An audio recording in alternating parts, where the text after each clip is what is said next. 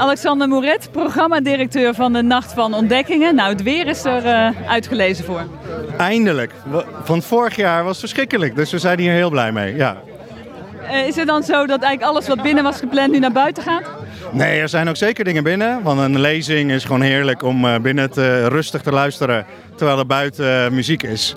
Dus dan kan je het een beetje even een lezing, dan ga je weer naar buiten een beetje dansen en een biertje drinken. Dus het kan allebei. En wat is nu het wat je niet mag missen vannacht? Nou ja, wat ik zelf heel tof vind, is dat wij een echte cyborg in uh, Leiden hebben gehaald. Neil Harbison. En die, kan, die heeft een antenne in zijn hoofd die daar niet uit kan. En daarmee kan hij kleuren horen. Nou, dat, dat soort dingen hoor je natuurlijk niet vaak. En verder bijvoorbeeld, we hebben weer Ilja Vijver op bezoek.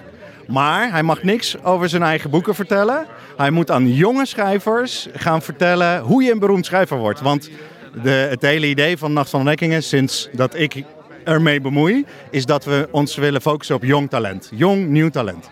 En niet uh, al die oude knarren nog eens een uh, uitgebreid podium geven. Nou ja, die mogen wel langs, maar die moeten dan wel advies geven hoe die jonge mensen het nou het beste kunnen gaan doen. Hoeveel mensen hoop je te komen vanavond? Oeh, het is lastig in te schatten. Ik denk dat we nou ja, tussen, uh, richting 3000 sowieso. Ja. En dan wordt het druk.